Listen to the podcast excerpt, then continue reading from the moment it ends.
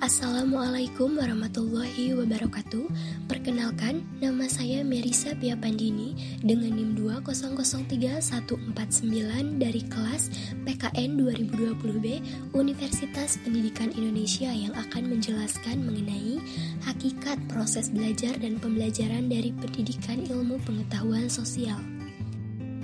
Arti belajar dalam Kamus Besar Bahasa Indonesia secara etimologis memiliki arti berusaha memperoleh kepandaian atau ilmu. Definisi ini memiliki pengertian bahwa belajar adalah sebuah kegiatan untuk mencapai kepandaian atau ilmu. Belajar menurut Baharudin dan Esa merupakan proses manusia untuk mencapai berbagai macam kompetensi, keterampilan, dan juga sikap yang menjadi tujuan proses belajar yaitu mendapatkan dan menggunakan beberapa kemampuan yang di antaranya yaitu yang pertama aspek kognitif yang menjadi aspek utama dalam banyak kurikulum pendidikan dan menjadi tolak ukur penilaian perkembangan anak.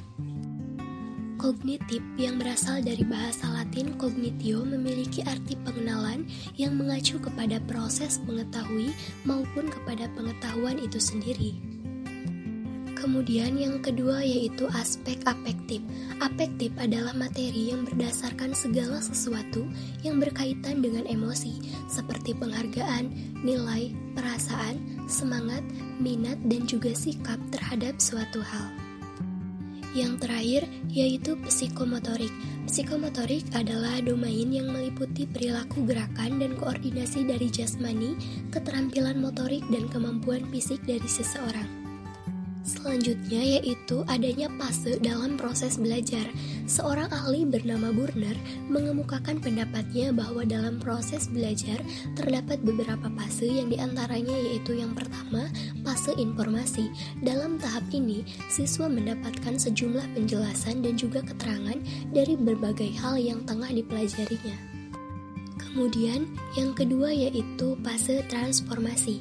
Tahap transformasi merupakan tahap di mana siswa mulai menganalisis suatu pemahaman yang telah ia dapatkan di tahap sebelumnya, sehingga dapat mengubahnya menjadi bentuk yang konseptual yang bertujuan untuk melatih siswa agar lebih berkompeten dalam pembelajaran.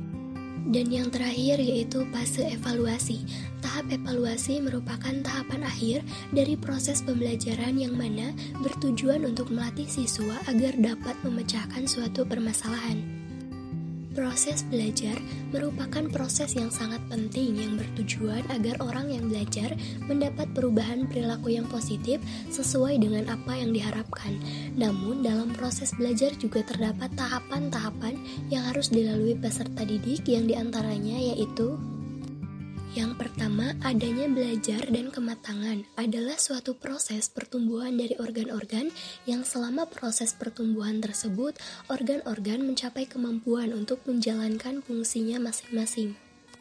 Yang kedua, yaitu belajar dan penyesuaian diri, kemudian belajar dan pengalaman, selanjutnya yaitu adanya belajar dan bermain, belajar dan pengertian belajar itu sendiri, belajar dan menghafal atau mengingat, serta belajar dan latihan.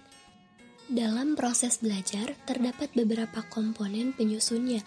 Yang pertama yaitu adanya guru, siswa, materi pembelajaran, metode pembelajaran, media pembelajaran, dan yang terakhir yaitu adanya evaluasi pembelajaran. Selanjutnya, saya akan membahas mengenai pembelajaran ilmu pengetahuan sosial itu sendiri.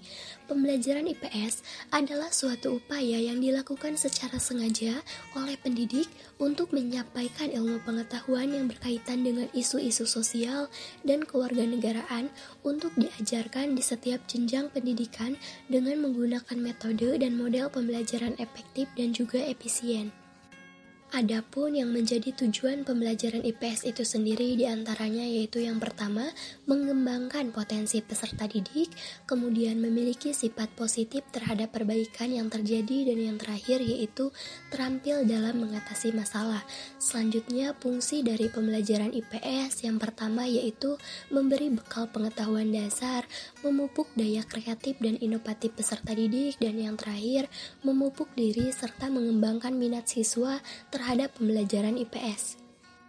Selanjutnya akan dibahas mengenai model pembelajaran IPS.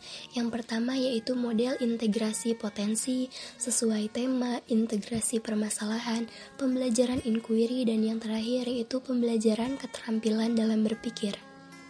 Sekian yang dapat saya sampaikan, kurang lebihnya mohon maaf. Wassalamualaikum warahmatullahi wabarakatuh.